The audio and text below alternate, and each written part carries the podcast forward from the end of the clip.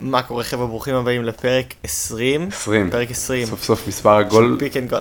ויפה.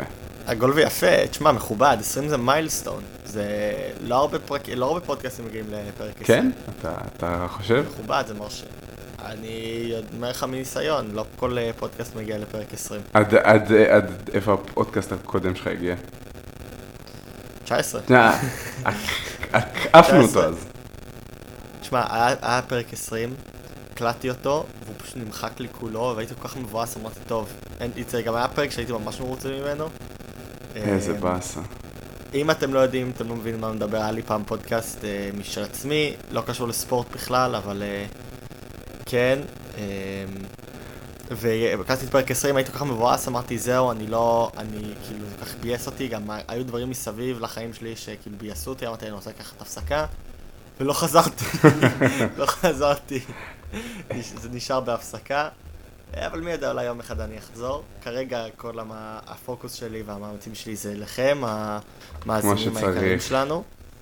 אה, זה גם אה, מילאת ברירה גם אליך, עומר, אה, גם אם אני לא כל כך רוצה. אבל מה קורה, איך אתה? אני אסביר קצת למי שלא הבין איפה נעלמנו בשבוע האחרון. אז אני עכשיו חזרתי מחו"ל, כל השבוע הייתי בבולגריה, ולצערי רב אני בחזרה פה. פה איתכם, אה, וזהו, זהו, היה טיול מצוין, בולגריה הייתה ממש ממש יפה. ו... אני רק רוצה לציין, אה, לפני שנדבר על בולגריה וכמה שהייתה מדהימה, שאם אתם הרגשתם שאנחנו חסרים לכם קצת ואתם רוצים לראות אותנו עוד יותר ולהרגיש את הדיונים שלנו של כדורגל, כדורסל טיפה יותר, אה, אנחנו מעלים טונה בטוויטר, כאילו מלא, כל מיני דיונים, כל מיני פולים, כל מיני מימים, הכל מהכל. את Pick and Goal, כמו שהשם של הפודקאסט. אה, יהיה לינק לזה בתיאור של, הפרק, אז אתם יכולים פשוט ללחוץ, זה הכי קל בעולם. כן, כן. כן, נראה לי ניכנס לה, קצת לדבר על בולגריה, איך היה לך? בא, בא לנו לשמוע טיפה. אה, היה, היה מצוין, uh, כמו ישראלי טוב, אני אגיד שהיא זולה בקטע מטורף. אה, אבל חוץ מזה היה שם גם נופים, גם טיולים בטבע, גם אה, אחלה חיי לילה וזה, אבל בוא, בוא, בוא נדבר על מה שהתכנסנו פה בשבילו, ועל המשחקים שהפסדתי בזמן הזה. אז נפתח בפינת כן. uh, המשחק של השבוע, הפינה האהובה על כולם. Uh, אני חושב, אז בפינת המשחק של השבוע שלי בחרתי, איך אפשר שלא, את ה... את, ה, את הפיצוץ שהיה בין, בין שיקגו לניקס אה, לפני אה, כמה ימים. שיק, שיקגו וה, והניקס אלה שני קבוצות עם יריבות כל כך כל כך גדולה בשנות ה-90, אתה יודע, בין מייקל ג'ורדן לפטריק איווינג, וכשג'ורדן חזר מהפרישה, אז היה בכלל דיבור של האם הוא הולך לחתום בניקס, בסוף כמובן שהוא הגיע לשיקגו. אמ, אבל אמ, אלה אל הם בעצם שני, שני הקבוצות, שני הקהל אוהדים בין הגדולים ביותר בליגה. ואחרי כל כך הרבה זמן, עשר שנים מאז הפעם האחרונה ששני הקבוצות האלה היו רלו... רלוונטיות, אמ, עכשיו ששניהם נמצאות במקום הרבה יותר טוב, שניהם מכוונות לפלייאוף, ולהצלחה בפלייאוף, המשחקים האלה נראים שונים לג, לגמרי. אז מה, מה היה, היה לנו במשחק? Uh, המשחק היה צמוד לרוב, הוא הגיע, נדבר קצת על הסוף, הרחבתי עליו בטוויטר למי שרוצה uh, לראות, על המהלך האחרון של שיקגו וכמה אני לא אהבתי את מה שהם עשו שם, אבל uh, הם הם פשוט הלכו, אתה יודע, back and forth מהשנייה הראשונה, לוינסיה עם 25 נקודות, היה מצוין, לא, לא, אונזו בול וקרוסו היו מצוינים בקו האחורי של שיקגו, ג'וליוס רנדל היה חלש מאוד, סיים עם לדעתי 13 נקודות, אה, בול שמר, שמר עליו ממש ממש טוב, פעם ראשונה שראיתי אותו מתמודד כל כך טוב עם שחקן שהרבה יותר פיזי ממנו. אמ, והמשחק הגיע עד לדקה האחרונה. שלוש דקות לסיום, אה, הניקס היו, הניקס הובילו על שיקגו בעשר נקודות, אה, ושיקגו יצאה לריצת 10, 11-0 באותן דקות, נעלו את הצבע לחלוטין, רוסו ובול, אתה יודע, הלאה, חטפו לרנדל ולקמבה את הכדורים מהידיים, נתנו להם אה, להוציא אף מסירה פשוטה, באמת חסמו להם כל דרך לנשום, הניקס לא שמו סל בעשר הדקות האחרונות, מהצד השני לוין ודר... רוזן אה, הגיעו לקו מתי שהם רצו, כלו מתי שהם רצו, ווץ' עם שלשה אה, אדירה, ושיקגו הגיע לפיגור נקודה בדקה, ממש בשניות האחרונות, אחרי שרנדל החטיא שתי זריקות מהקו. התקפה האחרונה, כאן מתחילה הבעיה שלי. הקבוצה הזאת היא הקבוצה של זק לוין. זק לוין, ואנחנו נדבר, נדבר עליהם עוד מעט גם בפרק. זק לוין הוא השחקן הכי טוב במגרש, הוא האתלט הכי טוב במגרש, הוא הקלה המוביל שלך גם באותו משחק. למה? חוץ מזה שהוא נשמר על ידי אבן פור, פורניאר, סבבה? למה הכדור שלך הולך לידיים של דמר דר רוזן? זה השאלה הראשונה שלי, שיקגו. השאלה השנייה, ומה שצילמתי עם מי שרוצה לראות בטוויטר, דר רוזן היה כבר בתוך הרחבה עם שלוש שניות ללכת. הבן אדם כל המשחק הגיע לקו מתי שהוא רצה. הצליח לסחוט כל עבירה שהוא רצה. אבל הוא בחר לעצור עם שלוש שניות על השעון, שלוש שניות זה הרבה זמן, לעצור, לעשות פעם, פעם פייק לזריקה, ואז לזרוק זריקה עם יד בפנים, אה, זריקה שכמובן לא פגעה בכלום. אז אה, שיקגו הפסידו את המשחק תודות למהלך אחרון נוראי של דה מר ושל בילי דונובן באופן כללי. אמ, כן, אני אישית דווקא מאוד, אני מאוד אוהב, כאילו אני לא, לא הכי מבין בעולם של, אה, שיקגו וזה, כי בכל זאת העונה הראשונה שלי.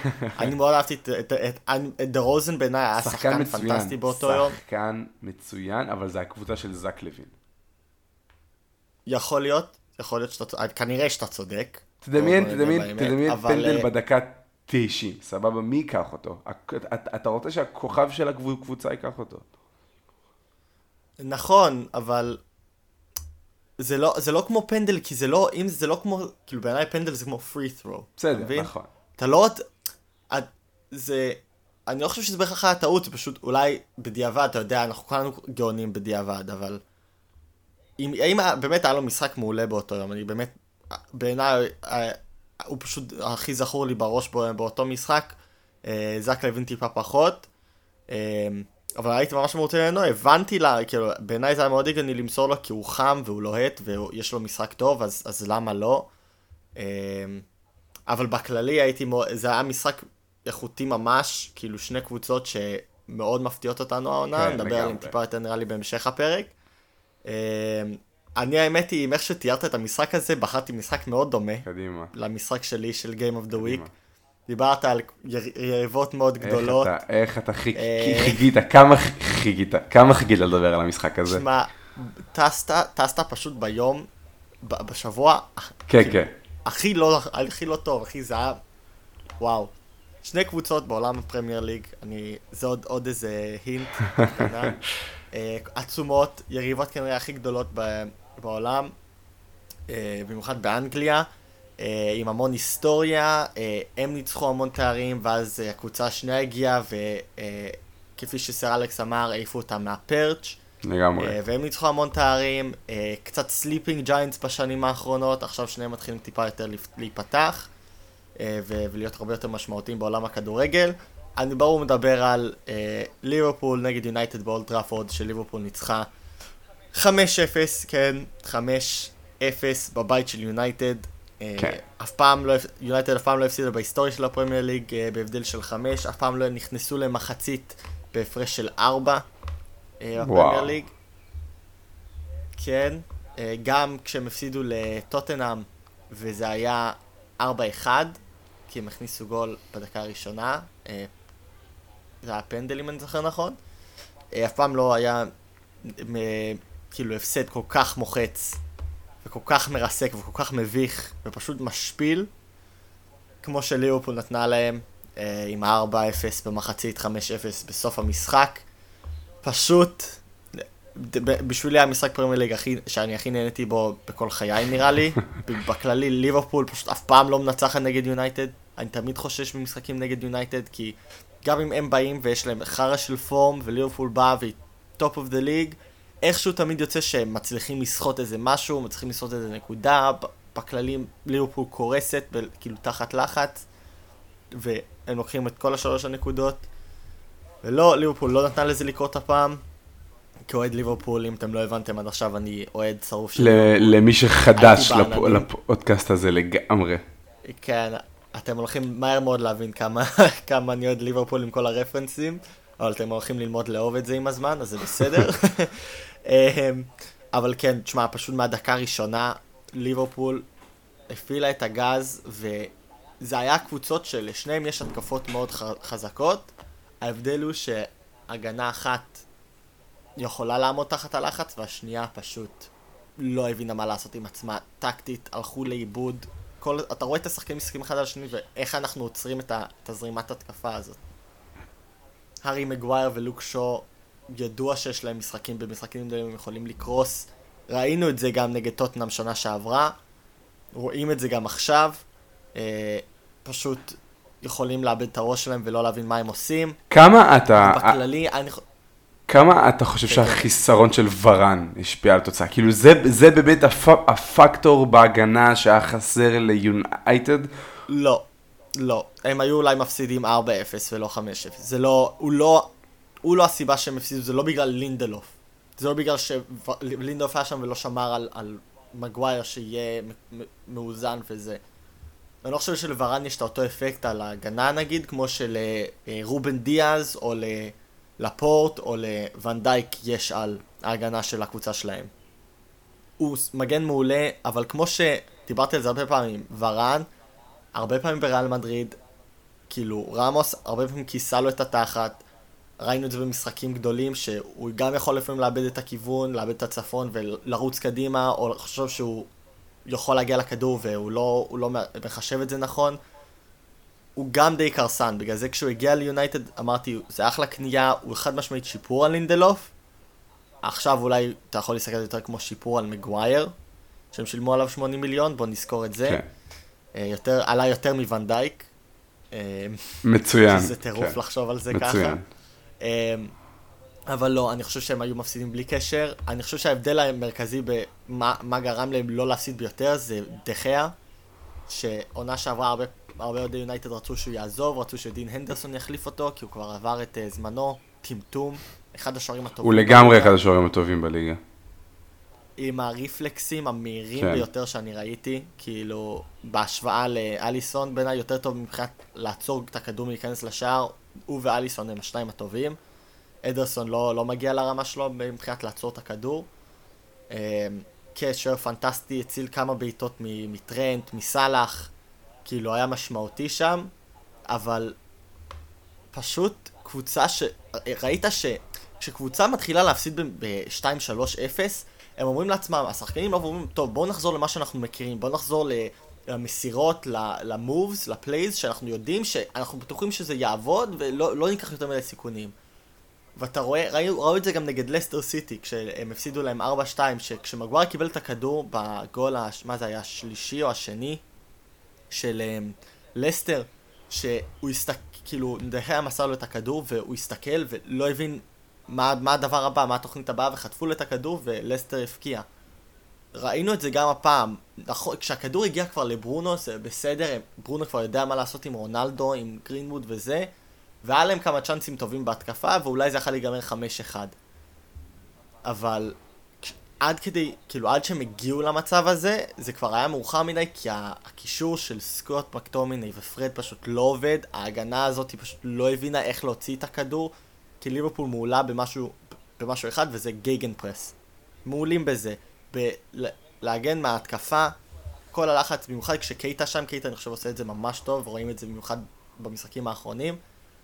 הוא תוקף את המגנים, וזה, הקבוצה הכי טובה לעשות את זה נגדם זה יונייטד, כי מגווייר ו- ולינדלוף ושואו, במיוחד במשחק הזה, לא הצליחו כל כך להוציא את הכדור מהרגליים. אפילו הם מספיק לחץ שהם פשוט עשו לעצמם נזק, כאילו הם, הם ירו לעצמם ברגל, ו, והם חד משמעית, אני, עד כמה שאני רוצה לצחוק על סולשאר ולהאשים אותו ולהגיד שטקטית הוא לא טוב מספיק, שכל זה נכון, ושהוא חד, גם מאוד אשם בהפסד הזה, השחקנים האלה חייבים להסתכל על עצמם ולהגיד, אנחנו מרוויחים כולנו בערך מעל 100 אלף פאונד בשבוע. 100 אלף פאונד בשבוע. בשקל זה מה? 400 אלף שקל בשבוע? כן. 400 fucking אלף שקל בשבוע. שבוע אחד. אני עושה אולי 30 שקל ביום. פחות, הרבה פחות אנחנו עושים. אתה מבין? ואני אומר לעצמי, איך אתה יכול...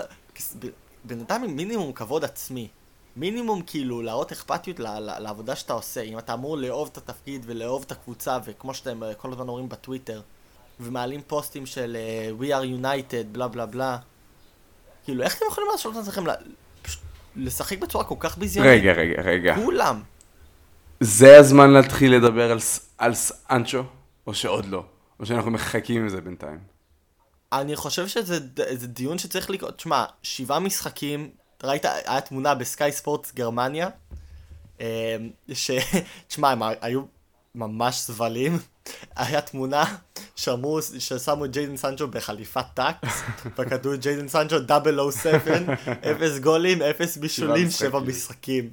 וואו, וואו. אה, כן, תשמע, זה לא פעם ראשונה שאנחנו רואים את סולשאר לא מצליח להוציא את המיטב, לא מצליח לשלב שחקנים חדשים, שהוא שילם עליהם כסף מכובד, שחקנים שהראו את היכולות שלהם ואת הקלאס ואת ה talent בקבוצות אחרות, ברור שאני מדבר עכשיו על ואן דה ביק וסנצ'ו. הוא נראה אבוד על, ה... אה, על המגרש, הוא נראה אבוד. הוא נראה כאילו הוא לא בטוח מה הוא אמור... שהוא נכנס על כן, המגרש. בדיוק. נכנס דקה 80 בערך, הוא נראה אבוד, הוא נראה כאילו הוא לא, הוא לא בטוח מה תוכנית המשחק בשבילו, הוא לא בטוח איך הוא, הוא משתלב במשחק. כי אני חושב שהרבה מזה זה פשוט, סולשר הרבה פעמים פשוט שמח שברונו יכל למצוא את המסירה הנכונה, ושהרבה פעמים הוא מנסה ומצליח, למצוא את המסירה הנכונה בעצמו, ושפשוט השחקן יונייטד, הוא ימשור, כאילו, ברונו ימסור את זה לשחקן יונייטד, לא משנה איפה הוא. הם לא מתכננים את זה כל כך, רואים את זה שהם לא מתכננים את זה כל כך, פשוט רצים קדימה, וברונו איכשהו ימסור את זה אליהם. ואז יחתכו בתוך, ה, בתוך ה, כאילו, רחבה, ורונלדו יכניס טאפין. כאילו, זה, זה נראה שכאילו שזה התוכנית, אבל כשזה לא מצליח לברונו, או שסנצ'ו לא מבין לאן ברונו מצפה שהוא יגיע, כי אין מה לעשות, הוא עדיין חדש לקבוצה, שום דבר לא מתחבר. ש... המהלך לא עושה, לא, לא, אין, אין קליק, אין חיבור. ה-USB פורט לא נכנס על הפעם הראשונה. לתוך המחשב, אז, אז אתה אומר לעצמך מה, כאילו, אני מבין את התסכול שלו, אני חושב שהרבה מזה, זה נגיד טקטית, סולשר חד משמעית אשם. אמ, העלינו, העליתי פול בטוויטר, אחרי המשחק, אה, לשאול האם זמנו של סולשר אה, עבר, 70% אמרו שכן, שצריכים להעיף אותו כבר עכשיו, אנחנו יודעים שהיום הוא הולך, יונייטד הולכים לשחק נגד טוטנאם, אני לא, עוד לא יודע מה יהיה התוצאה, אני משער שיונייטד תנצח, כי אין מה לעשות כשהלחץ על סולשאר, השחקנים שלו מוציאים איזשהו ביצוע, וגם טוטנאם זה אחלה קבוצה להוציא את זה נגדה, גדולה מספיק כדי שיעשו מזה כתבות, אבל גרועה על המגרש, אה, עם תשע גולים העונה, סאלח הכניס יותר מהם. שזה גם מטורף לחשוב. אמ, אבל...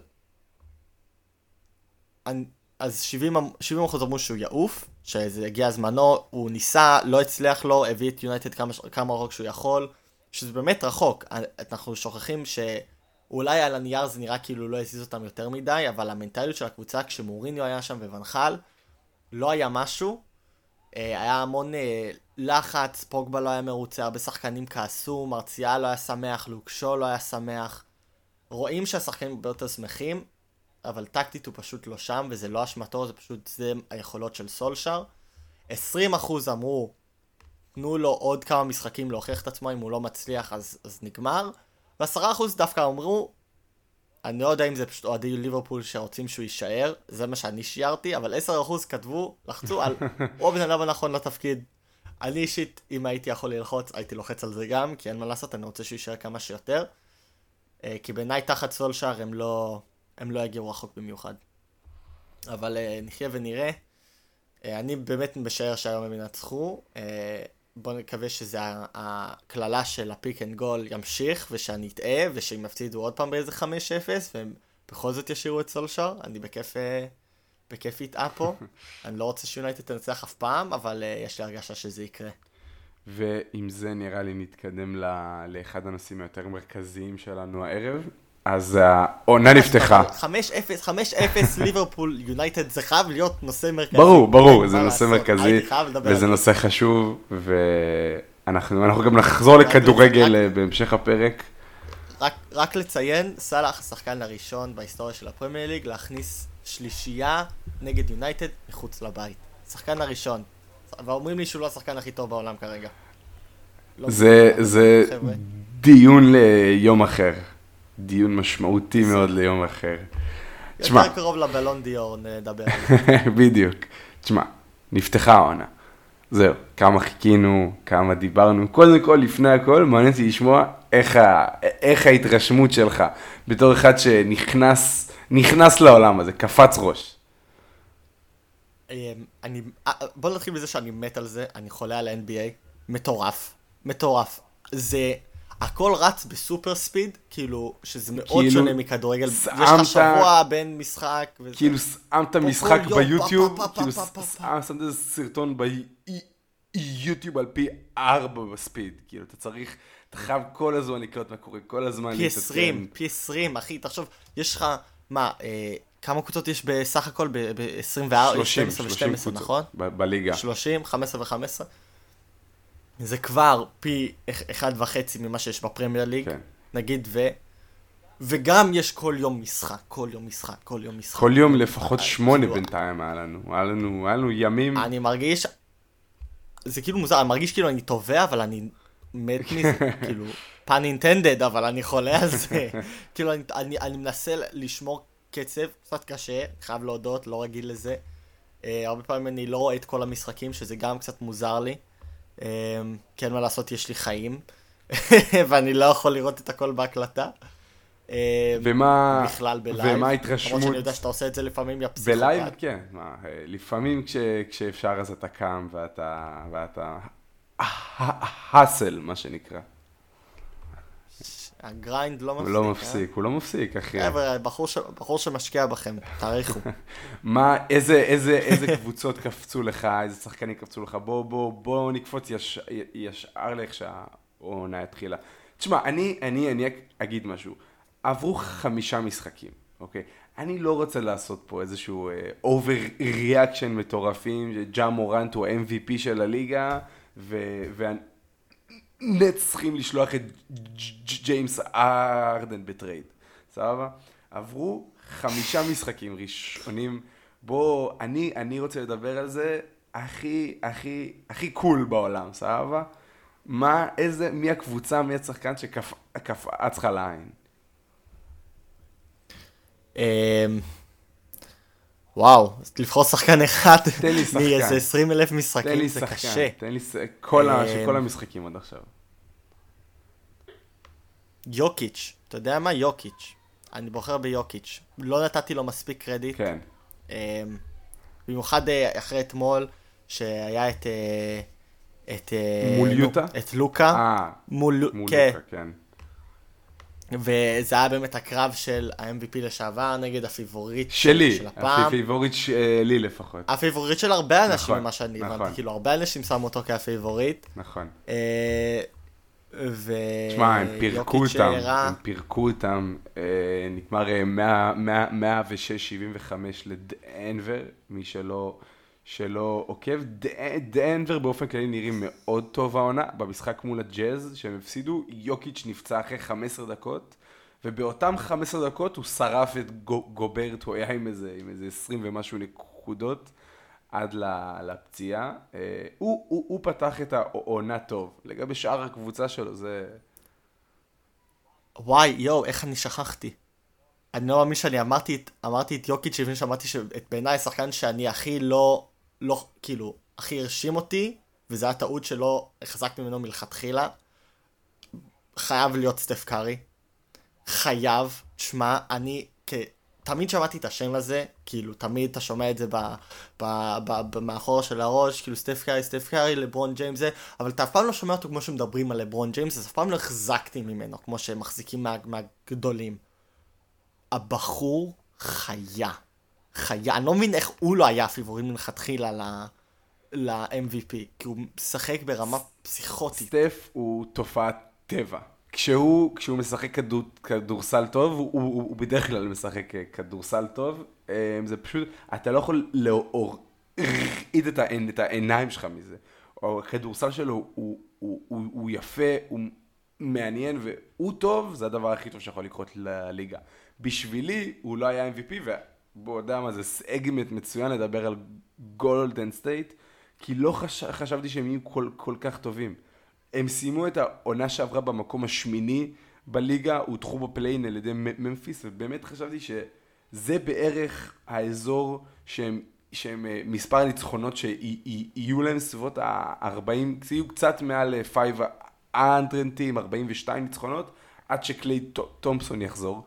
ועוד לפני החזרה של הפציעה, תשמע, הם אחד הקבוצות החמות בליגה.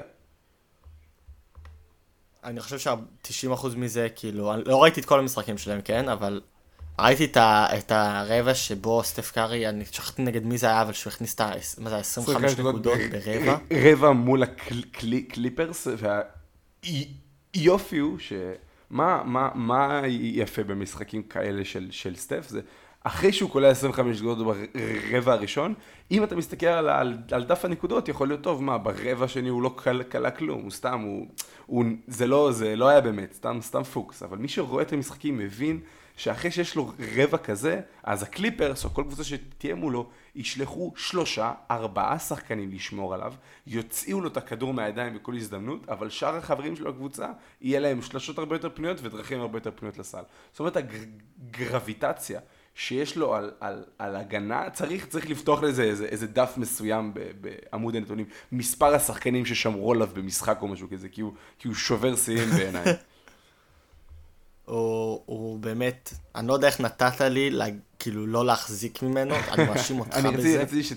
אני בכל זאת התמים הזה שלא מבין, ותשמע, הוא בעיניי עד כה השחקן העונה, כאילו זה רק חמישה, אמרת, רק חמישה, אה, כאילו, שבועות, כאילו גיים וויקס לתוך ה... או גיים דייז, לא יודע איך זה עובד בדיוק ב-NBA. כן. אבל אה, כן, אה, לתוך העונה, אבל הוא, אם הוא יכול להמשיך בתאוצה שלו ככה, וואו, הוא, הוא יכול להוביל, בעיניי, הם לא, הם, בעיניי, אם הם ממשיכים ככה, גולדן סטייט מגיעים, אם לא מקום ראשון, אז חד משמעית לפלייאוף, כאילו זה לא שאלה אפילו.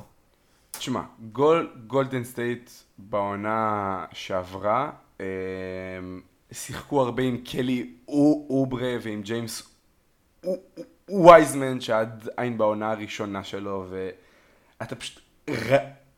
ראית שזה לא סגנון המשחק שסטף רוצה לשחק. סטף וסטיב קר ודריימונד גרין, הם המשיכו לשחק את אותו כדורסל יפה של פעם, של כולם רצים, כולם עושים סיבובים סביב השלוש, סטף אה, מחלק כדורים, סטף יחפש את הזריקה הכי טובה של כל שחקן, לא משנה כמה שחקן הזה זורק 20% משלוש העונה, סטף ירצה שמי שהכי פנוי ייקח את, ה, את, ה, את הזריקה, ואתה ר, ראית שמשהו שם תקוע, שהם מגיעים לזריקות טובות, אבל זה, אלה לא השחקנים הנכונים זורקים אותם, ובינתיים וייזמן לא, לא חזר, אבל הם נפטרו מקלי אוברה, תודה לאל.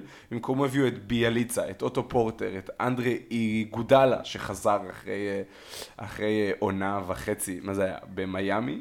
אמ, ואתה רואה שאלה שחקנים שיודעים, א', יודעים לזרוק משלוש, שזה כבר ברכה. אבל שחקנים שמבינים מה זה אומר לשחק עם סטף קרי, שמבינים מה זה אומר שהוא הוא, הוא מושך את, ה, את ההגנה, אז אני צריך להתפנה, כי אם אני אתפנה, אני, אני אשיג זריקה פנויה. ועכשיו זה רק תלוי בי לקלוע אותה, ובינתיים זה נכנס. אה, שחקן שהתחיל את העונה חם, אבל התקרר קצת מאז, זה ג'ורדן פול. שקיבלנו הייפ רציני ממנו ב pre-season, הוא הולך להיות ה splash brother השלישי, במשחק הראשון מול הלייקרס הוא היה מצוין, מאז הוא התקרר, הוא עומד רק על קצת יותר מ-20% אה, לשלוש, היה נוראי במשחקים האחרונים, ועדיין הדבר הכי גדול בקבוצה הזאת זה שהם מצליחים לשחק, מצליחים לנצח משחקים שסטף לא טוב בהם, מכמה שאנחנו מדברים ומהללים פה את סטף, מה זה, שלושת המשחקים האחרונים שלו, הוא לא כלה זריקה אחת ברבע הרביעי. והקבוצה עדיין עומדת על מאזן של 4-1. כי דאמיאן לי לקח צעד קדימה, ופול התחיל את העונה טוב ואז נרגע. ו... ואני באמת חושב שהם יכולים להיות הקבוצה הכי טובה במערב, אם קליי תומפסון יחזור אה, כמו שהוא. אה, אם מדברים על המערב כבר, מדברים על הקבוצות שהכי טובות. אז, אז אני אגיד עוד, עוד, עוד משהו אחד על גולדן סטייט, תן לי להשחיל עוד, עוד משהו אחד. יש להם... קבוע, קבוע, הבמה שלך. בוב מאיירס מנסה לשחק את המשחק לטווח הארוך. הוא מנסה לשמור על הקבוצה הזאת בתור dynasty שתרוץ גם אחרי סטף וקליי ודריימונד. בגלל זה הוא שומר את מוזס מודי, האמת שמודי עוד יכול לתרום לקבוצה הזאת, אבל בין קומינגה לווייזמן, יש להם המון שחקנים שהם יכולים למצוא להם trade. בעיניי זה המהלך החכם לעשות.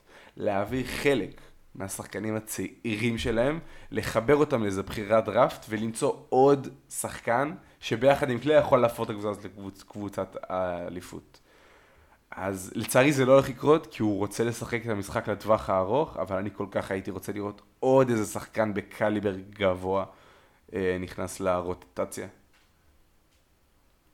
אה, כן, ונראה לי אם, כבר מדברים על, כמו שאמרנו, דיברנו על המערב, דיברנו על קבוצות שממש הרשימו. קבוצה שאני, בגלל שיש להם כל כך הרבה סופרסטארים, אה, והכניסו את ראסל ווסטברוק, שאני זוכר את הימים שלו, כאילו סרטונים שלו, יותר נכון, מאוקלאומה. ואת הדברים שהיה עושה שם. חשבתי שהוא יכל להביא את אותו דבר. אה, לא כל כך, לא כל כך מצליח להם. אה, אהבתי מאוד, היה זריקה של לברון אתמול מהפיינט, היה מאוד יפה, זה היה טוב ל, ל, ל, בטח להיילייטס שלו, שהוא יכול להוסיף את זה ל... תראו איזה מדהים אני, אה, אבל לא, חוץ מזה לא, לא עובד להם, זה הלייקרס. אני לא מבין, כאילו, מה, למה זה לא עובד? יש לנו כל כך הרבה סופרסטארים, ולמה הם לא מצליחים לעשות, כאילו, יש גם, גם אנטוני דייוויס, גם ווסטברוק, גם, גם לברון, שלושה שחקנים עם המון quality, ולא לא מרשימים במיוחד. אז ככה, ווסטברוק נמצא בטריטוריה שהוא לא, לא מכיר כרגע. אמ, הוא רגיל להחזיק בכדור בין, במספרים שנעים בין, בין 35 ל-40 אחוז מהזמן, סבבה? הוא רגיל שהכדור נמצא אצלו בידיים, הקבוצה, ההתקפה, הכל, הכל מה שנקרא נושק על פי, על פי, על פי הרצונות שלו, וזה בדרך כלל נראה אותו ד, דבר, הוא מקבל את הכדור, דוהר קדימה, יש איזשהו pick and roll עם סנטר, ואו שהוא חודר או שהוא שולח החוצה. זה מה שהוא עשה כל הקריירה. עוד פעם, אני אזכיר, האחוזים שהוא רגיל אליהם זה איפשהו בין 35% ל-40, שזה עוד פעם מספר שובר שיאים שהוא הגיע אליו בעונת ה-MVP שלו. Um, כרגע הוא מחזיק בכדור 27% מהזמן uh, בהתקפה של הלייקרס, שזה לא מספר נמוך, אבל זה, זה אומר הרבה מאוד ראסל הוא ווסטברוק בלי הכדור. וזה חיה שאנחנו עדיין לא יודעים באמת איך היא נראית ומה היכולות שלה, כי אף פעם לא ראינו אותה. הוא לא יכול, וזה מה שאני אני, אני אמרתי עוד לפני הטרייד, כאילו עוד לפני שראינו אותם משחקים, הוא לא יכול לעמוד מחוץ לקשת ולקבל שלשה פנויה ולזרוק אותה. הוא לא, הוא לא עושה שום cutting off ball, שום להיכנס מהדלת האחורית, שום... כשהוא ולברון במגרש, או כשהוא וגם עם רונדו השילוב הזה לא עובד ביחד, והכדור לא אצלו, משהו שם נראה, אתה פשוט מתפלל שלברון ודייוויס יעשו pick and roll, יצליחו, וטפו טפו טפו הכל יהיה, יהיה בסדר. אבל עדיין ראינו משחקים שלברון לא שיחק. לברון, אה, ווסטברוק ודייוויס לקחו שניהם את אחת הקבוצות הכי גרועות בליגה, את אוקלהומה סיטי, הובילו 26 אה, במחצית, והצליחו להפסיד את המשחק. הפעם הראשונה בהיסטוריה של ה franchise שהם מפסידים משחק אחרי שהם הובילו בו 25 נקודות במחצית וזה היה מול אחת הקבוצות הגרועות שאני זוכר. אוקלהומה השיגה את הניצחון הראשון שלהם העונה וזה היה בבית של הלייקרס. כי זה, כי זה הסיפור עם, עם, ה, עם, ה, עם השחקן הזה. כשהוא טוב, הוא מצוין, אתה תראה את זה באינסטגרם, אתה תראה את זה בטוויטר, והוא מטביע, והוא, והוא, והכדורסל יפהפה. אבל את, את המשחק הזה הוא סיים עם triple double, כולל עשר איבודים. אמ, אני פשוט מקווה ש... ש... בסדר, הם יצליחו, הם יגררו כמה ניצחונות, הוא ישתפר, פתאום באיזשהו שלב יהיה לו רנסאנס במהלך העונה, ונגיד, אה, אוקיי, זה, זה למה הם עשו את ה trade הזה? אני פשוט מקווה שבפלייאוף הכדור ידע, ידע להיות בידיים של לברון ג'יימס, ולא של אף שחקן אחר. אה, אם, אה, אם נשאר עוד קצת במערב, אה, קבוצה שהתחלתי לדבר עליה קצת לפני, תשמע, שיקגו בולס פתחו את העונה מצוין. וואו, וואו, וואו, וואו, וואו. מעולה. השילוב בין בול לקרוסו בחלק האחורי, לוין ודה רוזן בכנפיים ווודש, הכל טפו טפו טפו, דבק, דפק. אני דווקא רוצה לדבר יותר על, על האתגר שעומד להם בחודש נובמבר, וצריך להתחיל ממה שקרה אתמול בלילה. פטריק וויליאמס, ככל הנראה סיים את, ה, את העונה, פציעה חמורה אה, בפרק כף היד, אה, וצריך לדבר על מה שזה עושה להגנה שלהם, זה א', דמאר דרוזן לא גדול מספיק בשביל לשמור פורוורדים גדולים, הוא גם לא מהיר מספיק. אה, לוין, אתה לא רוצה לשים אותו על השחקן הטוב ביותר של הקבוצה השנייה כי אתה תעייף אותו. אה, בול וקרוסו מצוינים נגד שחקנים קטנים יותר, ווצ'ביץ' לא באמת יכול לשמור על הטבעת. אז אה, פטריק וויליאמס, החשיבות שלו, הוא יכול לא לזרוק אף זריקה, והוא יכול להיות אחד השחקנים החשובים על המגרש. החשיבות שלו על לשמור על שחקני הכנף האלה, תהיה קריטית, ואני חושב שמי שיצטרך לקחת צעד קדימה זה בול, כמו שראינו זה שומר על רנדל במשחק האחרון, הוא צריך, הוא צריך להתחיל לשמור שחקנים גדולים ממנו, אפילו ברמת הלברון ג'יימס וקוואי, כאילו הכוכבים הגדולים של, ה, של הקבוצה השנייה. אמ, ועם כל הכבוד לפתיחת עונה הטובה שהייתה להם, אני רוצה לשים על זה כוכבית. כי את הניצחונות שלהם הם השיגו מול דטרויט, מול ניו אורלינס, אמ, היה להם את ההפסד לניקס, אמ, וחודש נובמבר, הנה כמה משחקים שהם מחכים להם. יש להם משחק מול בוסטון, שני משחקים מול פילדלפיה, משחק מול הנץ, משחק מול דאלאס, משחק מול גול, גולדן סטייט, משחק מול הקליפרס, אז משחק מול הלייקרס, אה, מפגשים מול פורטלנד, דנבר, מפגש בחזרה מול, מול הניקס, זאת אומרת החודש הזה, חודש נובמבר, הולך להיות המבחן הגדול ביותר של ה... של, ה, של הקבוצה. הקבוצות שהם שיחקו איתם עד עכשיו, אלה לא הקבוצות שהם הולכים להתחרות איתם על מקום בפלייאוף, ואותי ממש מעניין לראות איך הם יצ, יצאו, יצאו, יצאו ממנו. אבל זה גם חשוב, כאילו, נכון, מצד אחד נכון, המשחקים הגדולים עוד, עוד לפניהם, אבל אתה חייב לנצח את המשחקים הקטנים האלה, אתה לא יכול להרשות לך כביכול לאבד נקודות נגד הקבוצות הקטנות, אם אתה רוצה להגיע לפלייאוף. זה נכון, אני חושב שהם מנסים ללכת על, נכון. על הטייטל. קבוצה, קבוצה טובה לא... חייבת לנצח את הקבוצות הקטנות, אני מסכים איתך לגמרי. איזה, אף אחד לא חי באיזה אשליה שהם הולכים להילחם על המקום הראשון, הולכים לעשות... הם רוצים להגיע לפלייאוף, זה, זה כאילו התקווה שלהם, זה השאיפה, וייחשב כעונה טובה. אף אחד לא מצפה, ציפה בתחילת העונה מעבר לזה. אז אני חושב ש... גם אם לא יהיה להם תוצאות מעולות, אם יצליח, יצליחו להשיג כמה ניצחונות, אני חושב שנגד הקליפרס הם פתחו את העונה זבל, לא משהו בכלל. אני חושב שהם יוכלו לנצח נגדם. לייקרס אם לא, אם לא מתחילים ל, לתפוס תחת ולהבין ש... נכון, אפשר לתפוס כאילו, את לא הלייקרס ביום רע ו... אתה מבין? זה, זה, אני חושב שעד כמה שיש להם פרק עכשיו טיפה יותר קשוח, לא בלתי אפשרי. חד משמעית לא בלתי אפשרי. נכון, הם איבדו שחקן חשוב, אבל אם שאר השחקנים המשיכו לשחק ב... ברמה שהם משחקים עכשיו, אז וואלה... אה, זהו, זה... כאילו, זה לא, זה לא בלתי אפשרי. אתה יודע, זה ממש מצחיק שאתה התחלת באמת להיכנס לכדורסל אה, העונה, כאילו ממש לראות איתי את העונה הסדירה אה, וזה כמו שצריך, כי אין, אין, אין, אין לך את הקנה מידה הזה על איך המשחק נראה שונה עכשיו, לעומת העונה שעברה בכל מה שקשור לפ... לפאולים וזריקות עונשין ולהגיע ל... לקו. נכון, זריקות עונשין זה לא, לא איזה משהו ש... שאם, אחרי כל, כל המשחקים שראית לפתיחת העונה, אם מישהו ישאל אותך מה הבעיה הכי גדולה של, של המשחק עצמו, כי זה משהו שהתקשורת בכדורסל לא אוהבת לעשות יותר מכל, מכל ספורט אחר, תמיד לחפש מה הבעיות הכי גדולות של, של המשחק. זריקות עונשין לא היו עולים לך. הכל בכדורסל, הכל פעם...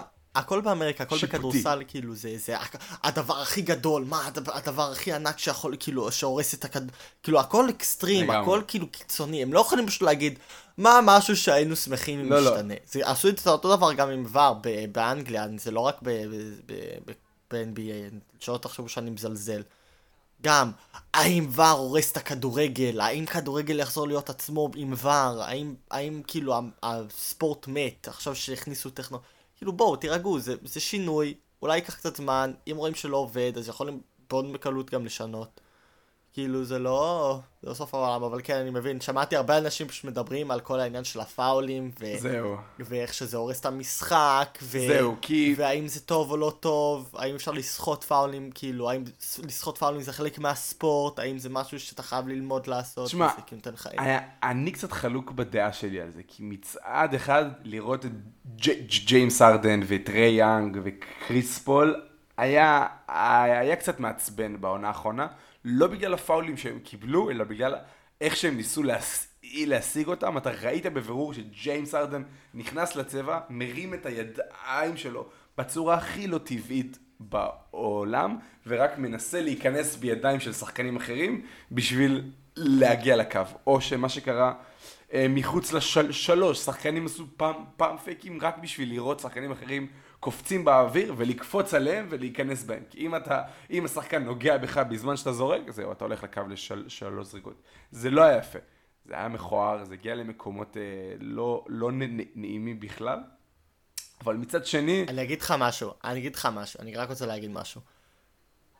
הסיבה בעיניי שכולם כועסים על כל העניין הזה של, של הפאולים החדשים, זה, כי בראש שלהם, וזה בעיניי משהו שיפה לי, ש- שבגלל שאמרת, אני רק עכשיו נכנס לזה, השחקנים בראש שלהם מצפים לקבל את אותם פאולים, גם אם הם יודעים שהחוק השתנה, והם כאילו אנשים כועסים, כי הם זה. משווים את זה למה שקרה פעם.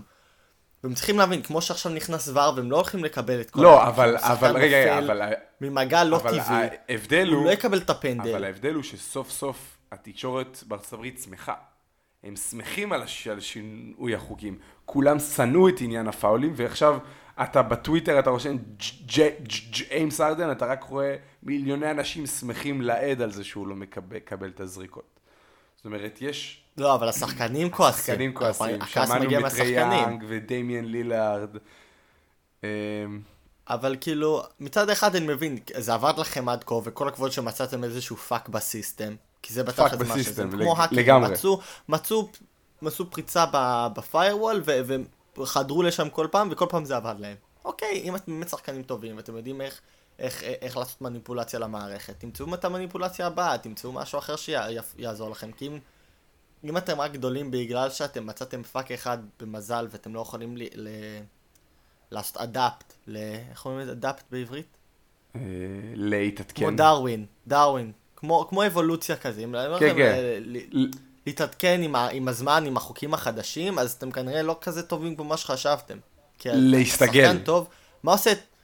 להסתגל, מה עושה את מסי ורונלדו כשחקנים כל כך טובים ויוצאים מן הכלל מכל השאר, יותר מלבנדובסקי, מספר הזה, זה שעם הזמן הם מצאו דברים אחרים, המהירות שלהם ירדה, אז הם מצאו דברים אחרים כדי לשפר את המשחק שלהם, כדי להמשיך ל... ל... שהקבוצה שלהם תהיה מאוד מאוד גבוהה, גם אם הם לא יכולים לעשות את הדברים שיכולו לעשות פעם. זה מה שעושה שחקן בעיניי ממצוין לאגדה.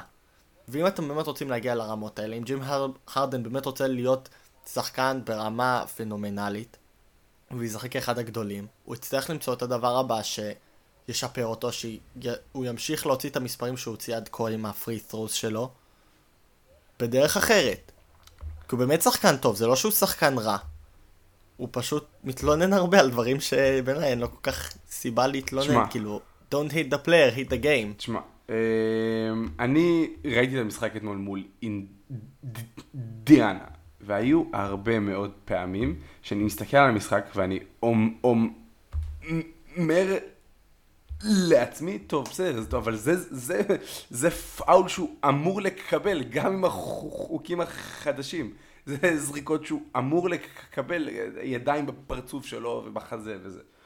אני, אני, אני מפחד שניקח את זה קצת, קצת קדימה מדי.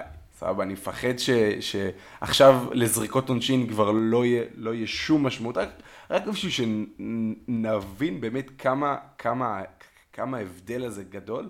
ב-2018-2019, כשלג'יימס ארדן היה את עונת השיא שלו, והוא היה בלתי ניתן לעצירה מבחינה התקפית, 36 נקודות למשחק, הוא זרק בסביבות ה-14 זריקות עונשין למשחק. סבבה? זה היה שיא כל הזמנים, לדעתי, בשלושים שנה האחרונות. המוביל לזריקות עונשין העונה זה רודי גוברט, שהוא סנטר, וזה עוד אחד מה... זה היחידים שנפגעו מה... זה זה הגארדים הקטנים, ולא הסנטרים, שזה היה בדיוק ה... כאילו זה, זה היה פואנטה בחוק זריקות העונשין הזה, שנתגמל את השחקנים הקטנים ונעזור להם לקלוע נקודות, אז כרגע הם מן הסתם היחידים שנפגעו, והוא מוביל את הליגה עם עשר זריקות למשחק. עשר זריקות למשחק לפני שנה, שנתיים לא היה נכנס ל top top 12. סבבה? אנחנו רואים פה הבדל משמעותי מאוד, ואין לי, אין, אין לי דרך להתווכח עם זה שזה הופך את המשחק עצמו ליותר כיף ולמוצר הרבה הרבה יותר טוב. פשוט מקווה ש, ש, שבכל זאת נזכור שזריקות עונשין הם כן חלק מהותי במשחק, סבבה? כל סקורר טוב צריך לדעת איך לה, להגיע לסל. אני מבין את החשש של אוהדי כאילו NBA, של, של כאילו האם, האם זה, האם ילכו מקיצון אחד לקיצון אחר ולא ייתנו פאולים לגיטימיים, אבל עם כל חוק חדש, אתה לא יכול לצפות שעל ההתחלה הוא יהיה נכון, פיקס, נכון, מושלם, נכון. שכל כל השופטים ידעו איך, איך להשתמש בו ומתי, ו... כי כל פעם יעלו דילמות חדשות עם זה שה... כאילו משחק, ככה זה עם כל חוק ש... בכל מדינה, בכל סיטואציה, כשיש חוק חדש, יש סטנדרט חדש לאיך להתנהל, יעלו, אה, לכל כלל יש יוצא מן הכלל, אתה מבין? וייצא מצב שאתה תשאל את עצמך, כאילו, האם זה לגיטימי, האם זה לא, האם החוק הזה, איך, איך, איך אני מכניס את החוק הזה לתוך הסיטואציה. זה עניין של זמן עד שהם רק, שזה ישתפר ויבינו יותר, ואני לא חושב שזה חשש, אלא אם כן השופטים באמת פשוט סתומים, כאילו, אם שופטי, נגיד שופטים מהארץ. אז ו- כן. ואפרופו, ואפרופו דברים שעוד יצטרכו זמן, אתה חושב שפריז היא אחת מהן? וואו, אה, נכנסים לזה ככה, אה? ישר קופצים... אה, ישר קופצים מים, אנחנו לא, לא מח... מחכים פה. אני זוכר את השיחה שלנו כשדיברנו על המנצחים והמפסידים של, ה, של המעב, כאילו חלון מעברים, ודיברנו על PSG ודיברנו על יונייטד וכמה, איזה קניות חזקות, זה... וזה זה, ותשמע, אנחנו קללה, לא... אנחנו פשוט קללה על העולם הזה. באמת, כאילו, פרק 20, תחשוב מה קרה, כאילו עוד, עוד, עוד 10-20 פרקים. הדבר... ניוקאסל תיפול, 20 ליגות תתפורר, הדבר... כל הסעודים יאבדו את הכסף הדבר שלהם. הדבר היחיד שמעודד אותי זה שלא היה בין כל אחד בעולם הספורט שלא, שלא, חז... שלא, ש... שלא כתב, אמר, הקליט את עצמו, או, או, אומר שזה הולך להיות הכדורסל היפה ביותר, הכדורגל, סליחה, היפה ביותר שאנחנו נראה בחיים. אמ, כן, כולם חשבו את זה, תשמע, זה היה רכישה מה, מהסרט... זה היה כאילו הם שיחקו פיפא, כאילו PSG. קנו איזה שישה שחקנים ב... בחינם, שישה שחקנים world class, כאילו לא פחות. אמ, ראמוס, חכימי, ויינלדום, מסי, כאילו שזה הכוכב. אז, אז, אז איך דברים אמ, נרא, נראים על, ה, על המגרש עכשיו? אז על הנייר, לא, קודם כל נדבר על, על הנייר. על הנייר הכל נראה כאילו, אתה תסתכל על התוצאות שלהם, אני מסתכל עכשיו מהתחיל, מתחילת העונה, הם די מנצחים את, את רוב המשחקים שלהם, 4-0 נגד קלרמונט, 2-1 אה, נגד אולימפיק ליון, 2-0 נגד מונפלייה. כביכול, כאילו הם מנצחים את המשחקים שהם צריכים לנצח, באמת, הם ניצחו נראה לי מה זה היה שמונה משחקים ברצף אה, בליגה. אבל מה שהנייר אומר ומה שהעיניים שלך רואות כשאתה מסתכל עליהם על המגרש זה שני סיפורים שונים. אם, כמו שאמרתי שאולה גונאר סולשיאר רואה את ברונו פרננס ואומר נמסור לו והוא הוא, כאילו וההתקפה יצליחו להסתדר איכשהו. מרגיש לי כאילו פוצ'טינו מאוד עושה את אותו דבר. שאומר יש לי את מסי, ניימאר ואמבפה. מסי כנראה ייפול טיפה יותר עמוק, יקבל את הכדור, כי הוא רץ טיפה פחות. ניימר ואמבפה, במיוחד אמבפה, ידפוק איזה ריצה, או ימצאו אחד את השני, איכשהו יסתדרו, יעשו איזה בישול יפה או משהו. כמו שראינו נגד מנצ'סטר סיטי ו-PSG, שאמבפה ומסי התחברו, ומסי פשוט בעט בעיטה יפהפייה והכניס לשער, כל הכבוד לו. אמ, אבל זה לא תמיד עובד, ועם הזמן אתה רואה שכמה שאתה פחות משתמש בטקטיקה, עם הזמן רואים את זה יותר ויותר. זה יכול לעבוד לך מעולה בהתחלה, אבל כמו שאם יש עכשיו עם יונייטד, בלי טקטיקה אתה לא באמת אה, תגיע רחוק. אני רוצה במיוחד לדבר על שני המשחקים האחרונים, כי אתה רואה את זה הכי הרבה במשחק נגד אה, אולימפיק מרסיי, שזה היה כאילו דרבי, זה, זה, זה המשחק הכי גדול בצרפת, זה הלה קלאסיק, זה אולימפיק, אה, אולימפיק מרסיי נגד פאריס סן ג'רמן. משחק גדול, פוצ'טינו עם קצת לחץ מתחיל להתגבר עליו, כי הוא תיקו עם אה, קלאב ברוז', בקושי ניצח את לייפציג, גם הסתמך על מסי והפננקה שלו. אה, הפסידו לסטאד רנז לפני כמה שבועות לפני, אז, אז הוא לא במצב הכי יציב, חשוב לנצח את הלה קלאסיק. זה כמו כל דרבי, יעלה את, את המוטיבציה, כאילו את ה... מורל. את ההייפ של ה... את המורל ואת ההייפ של הקהל, וזה חד משמעית יעשה לך חיים הרבה יותר קלים. ואני אישית ראיתי את כל המשחק, אה, ואני חייב להגיד שלא היה שום תוכנית. שום תוכנית לא התקפית ולא הגנתית אה, בכלל מפריס סן ג'רמן.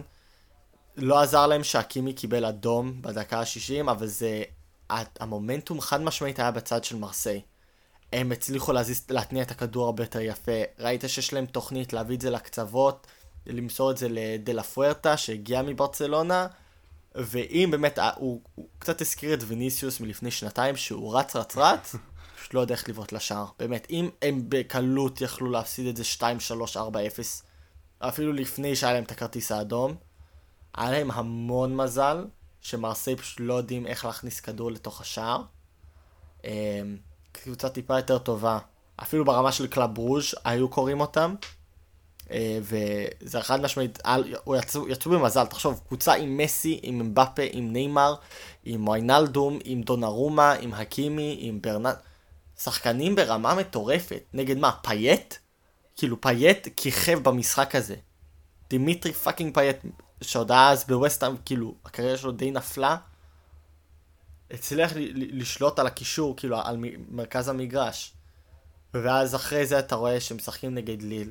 מגיעים למחצית 1-0, במשחק של ליל משחקת הרבה יותר טוב, מצליחה לחתוך את כל ההגנה של, של, אה, של פריז, כשמשחקים כביכול חמש בהגנה, שאם אתה משחק עם חמש בהגנה, אתה אמור להיות הרבה יותר יציב והרבה יותר סולידי ולבנות את ההתקפות שלך קצת יותר לאט, אבל ופחות counter attack, יותר לבנות את זה מההגנה, למסור את זה לכנפים, למסור את זה למרכז, חזרה לכנפים, כאילו, שאמור להיות לך איזשהו structure, אה, איזושהי מערכת שבה אתה עובד, אתה רואה את זה, שזה עובד מעולה עם טוחל, שהוא משחק עם שלושה בהגנה, הם הרבה יותר סולידים, בקושי מכניסים להם אה, גולים, אבל הם גם בונים פחות ב counter, יותר בכדור רחוק ללוקקו, הוא החזק, מוסר את זה כמה פעמים, וזה עובד להם.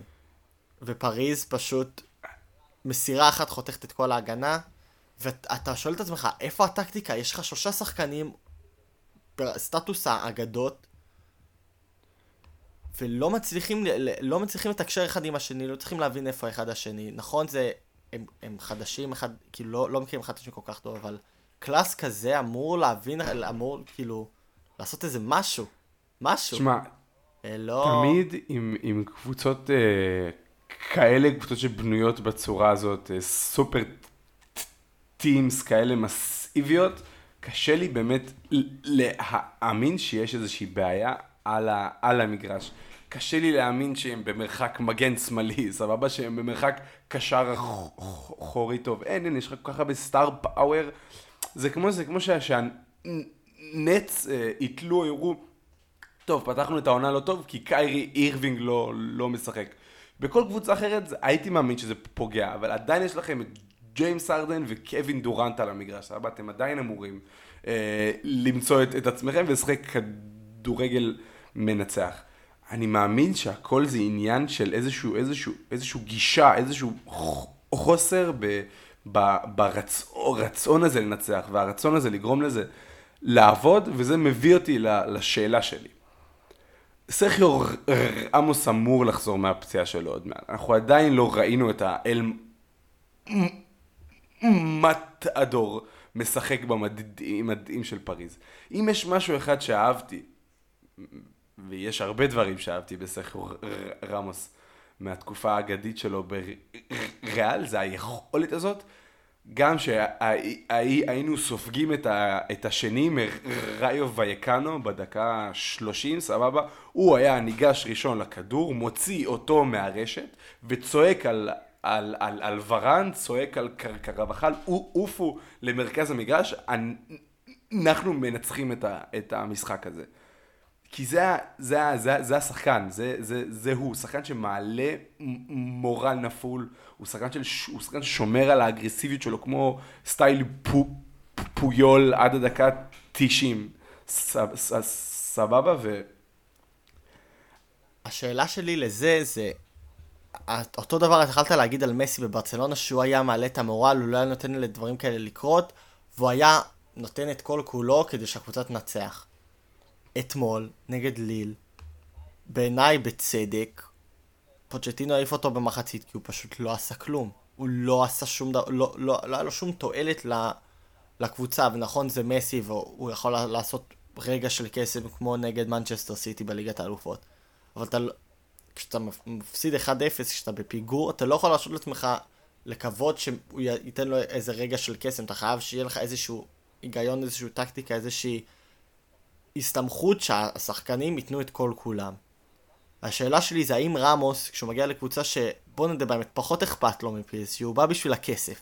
אם אתה חושב שהוא בא כי הוא אוהב את פריז ורוצה ל- לראות את האייפל כל, כל בוקר, אתה צריך קפה טיפה יותר חזק. אני, כאילו, אני, אני באמת עצמך. מאמין שהוא מסוג השחקנים שירצו לנצח, לא משנה איפה הם אה, נמצאים. הפחד היחיד, החשש היחיד שיש לי זה ש... אה, שהדיווחים האחרונים הם שהפציעה שמה אותו אה, במקום אישי, נפשית, לא, לא טוב, הוא נורא חושש על הרגל, על הבריאות שלו, הוא לא בטוח מתי הוא יחזור לשחק, וזה נמצא בסימן שאלה, איך הוא יחזור.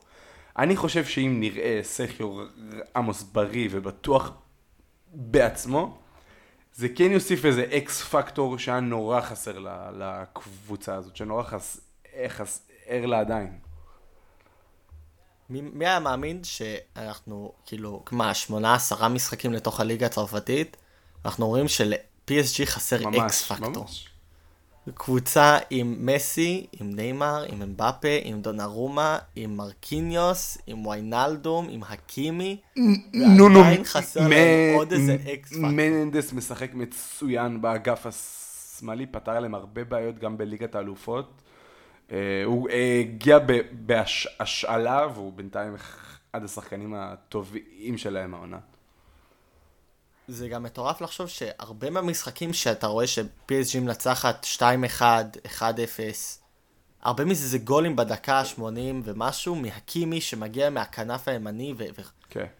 ואתה אומר לך, איך, איך אתה יכול קבוצה שיש בה שלושה שחקנים כל כך אדירים, שיודעים, הדבר שלשם הם משלמים להם את הכמויות הפסיכוטיים של כסף, זה להכניס את הכדור ל fucking שער, אתה מסתמך על, על מגן ימני, שהם כבר לא הם לפעמים משחקים עם ארבע כשהקימי שם, אז זה לא כאילו משחקים, הוא לא כאילו משחק right wing back, הרבה פעמים הוא גם משחק right back, ובכל זאת הוא המקור הגולים המרכזי שלהם במצבי, מצבים צמודים, ואני מאמין שאם אולי הוא היה נשאר על המגרש נגד אה, אולימפיק ליונז, אולי הוא באמת היה יכול לעשות איזה משהו בדקות האחרונות, כי לזה הוא ידוע ב-PSG כרגע, אבל אני חושב שכמו שאנחנו מאשימים קצת את סולשאר על, על החוסר הבנה הטקטית באיך לקדם את ההתקפה, אני חושב שפוצ'טינו גם צריך לקחת זמן מאוד מכובד מול המראה כל בוקר ולהגיד מה אני עושה עם השחקנים ההתקפיים המטורפים שיש לי ואיך אני מוציא מהם את המיטב כי PSG זה לא כמו יונייטד. פוצ'טינו הוא לא אגדה ב-PSG כמו שסולשאר אגדה ביונייטד. לא ייתנו לי את כל הזמן שבעולם. תשמע... הם מאוד בקלות, הבעלים שלהם עשירים וירצו, הם לא יסתמכו על, בסדר, נגיע לליגת האלופות ואנחנו מרוצים עם זה. אם הם לא ינצחו את הליגה, ואם הם לא ינצחו בצורה מאוד מאוד מרשימה, פוצ'טינו יעזוב. כאילו, אני לא חושב שעד כה הוא מצליח, לא הייתי אומר שהסיפור שלו הוא הצלחה. אם, אם בפרק הקודם דיברנו על אה, רשימת קניות, אם אתה אה, היית, עכשיו איך קוראים לו? נאסר אל חליפי, זה, זה השם של, ה, של הבעלים של פריז נכון. לדעתי. אם אתה היית במקום שלו, מי, מי היו המאמנים שהיית רוצה להביא לקבוצה? כל מאמן, כל קבוצה כרגע, גם ניו קאסל, גם יונייטד, גם כל, כל קבוצה שיש לה כסף, כרגע מסתכלת על, על שני מאמנים במיוחד, שזה אנטוניו קונטה וזינדין זידן. כן, מה לעשות, הם שני מאמנים שהם ברמה אדירה, אה, שניצחו המון דברים, והם חינם. לא היה לך כסף לקנות אותם. אז אני חושב ששניהם, אני אישית הייתי מעדיף את זידן, כי המערך ההתקף, היכולת ההתקפית שלו, כאילו, כמאמן, להוציא את המיטה משחקני התקפה, משלישיות התקפה, ראינו את זה עם BBC יפה מאוד. ועכשיו אנחנו רואים איך בייל בלי אה, זידן, וכמה שהוא פחות מצליח, הרבה מזה זה גם אשמתו, אבל זידן הצליח להוציא את כל טיפת היכולת של אה, בייל. אני מאוד הייתי רוצה לראות את זידן שם, אני חושב שזידן יכול להיות מאמן מעולה, גם צרפתי, מכיר את השפה, מכיר את רמוס, אז יש ביניהם קשר. אה, כל השחקנים יעריכו אותו, יחזיקו ממנו גם בגלל השחקן שהוא היה וגם בגלל מה שהוא הצליח כמאמן. אז אני אישית הייתי הולך על אה, זידן מעל קונטה, אבל גם קונטה יכניס, יכניס איזשהו structure, אנחנו דיברתי הרבה על structure עד כה שפוצ'טינו עדיין לא כל כך הצליח לעשות. אה, פוצ'טינו פעם ראשונה שהוא באמת משחק ב big leagues, כן מה לעשות, טוטנאם זה לא ה big leagues. אז אני חושב שקונטה באמת גם יוכל לעזור להם, אישית, הבחירה האישית שלי זה זידן. יש שם שאתה היית מעלה שזה לא קונטה וזידן? אה, כאילו, אני מנסה לחשוב על מאמנים שלא בעבודה כרגע. אתה יודע ש... או שכן בעבודה ו... אתה יודע שזידן שמור אצלי מקום חם בלב. אה, אני חושב שבעצם זה שהוא צרפתי, אני באמת בשוק שהם קפצו על פוג'טינו לפני שהם קפצו עליו, זה נשמע לי כמו חיבור משמיים, כאילו מאמן מצליח, מאמן צעיר, כריזמטי, עם חיבור למקום. אני די בטוח שבזמן שהם... הוא עדיין היה שם? את אה, פוצ'טינו היה בריאל, נכון, הוא היה נכון. בריאל. התבלבלו לי התאריכים. אמ, תשמע, לא, לא, אני, אני לא חושב שיש אף מועמד מתאים ממנו כרגע, אבל, אבל צריך לחשוב אם, אם אנחנו לא סתם יודע, מחפשים את הדבר, טוב, זה לא עובד, אז נחליף מאמן ואולי זה כן יעבוד, כאילו סתם מנסים לחפש תירוצים. הבעיה באמת נמצאת בעמדת המאמן כרגע בקבוצה, או שזה משהו על, הדשא? אני פשוט חושב שברגע שיש לך כל כך הרבה סופרסטארים, אתה לא יכול, כאילו, מסי הוא אף פעם לא יהיה הבעיה. גם אם הוא הבעיה, הוא אף פעם לא יאשימו אותו ויעשו אותו הבעיה, כי, כי הוא המשיח, הוא ה... איך קוראים לו בארץ? אה, אה, נו. ש... זה שעל על כלבים, כאילו... הפרוש, הפרוש, הפרוש, נכון? כן, הפרוש. זה אף פעם לא הבנתי למה בארץ קוראים לו הפרוש. לא, לא הבנתי את החיבור. שזה, אני חושב שזה כאילו. כי כשהוא, כשהוא היה יותר פיזית קטן בתחילת הקריירה, איך הוא נע בין הגנות כמו פרוש, משהו כזה. קצת בעיניי קצת מזלזל כן, כן, בשחקן הכי טוב בהיסטוריה, אבל uh, אתה מבין כשיש לך שחקן כזה ויש לך את השחקן הצעיר הכי טוב בעולם, בין, בין, בין השניים עם אמבפה, אתה לא יכול להגיד שהבעיה היא בשחקנים, הבעיה תמיד תלך למאמן, גם אם זה הוגן, גם אם לא, ואני חושב שבאמת מאמן חדש, יש סיכוי שהוא יצליח, לא מבטיח, אבל חד משמעית ישנה משהו, כי זה, הם לא יכולים להמשיך ככה. זה לא, זה לא סוסטיינבל, זה לא... אי אפשר, הם, הם, הם יקרסו, זה עניין של זמן, לא עניין של אם. אה, רוצים לשמוע גם מה אתם חושבים, חבר'ה, דיברנו שעה על כל מיני נושאים. ת, תגידו מה, מה אתם חושבים על כל זה, האם פוצ'טינו בן אדם הנכון, מה, מה הציפיות לבולס, העונה, מה אתם חושבים על ווסטברוק, האם הוא באמת השתפר עם הזמן, או האם כבר זמנו תם, והוא סוס מת, כפי שהרבה אנשים אוהבים להגיד. Uh, רוצים לשמוע את הדעה שלכם, אז תכתבו לנו בטוויטר, at pick and goal. אנחנו מעלים כל מיני דברים, כל מיני סקרים, כל מיני דיונים, אז תרגישו חופשי להת... להיכנס ולהתערב ולהביע את הדעה שלכם, גם אם היא לא נכונה והיא מטומטמת, אנחנו רוצים לשמוע, רוצים לשמוע אתכם. כן. אז uh, תכתבו לנו או בפרטי או בדברים שאנחנו מעלים, ונתראה שבוע הבא. ובאמת הפעם זה יהיה שבוע הבא, אין יותר טיולים, אין יותר חופשות עומר, זהו. שום דבר. עכשיו במאני טיים. מתחייבים עכשיו. אז יאללה, נתראה שבוע הבא.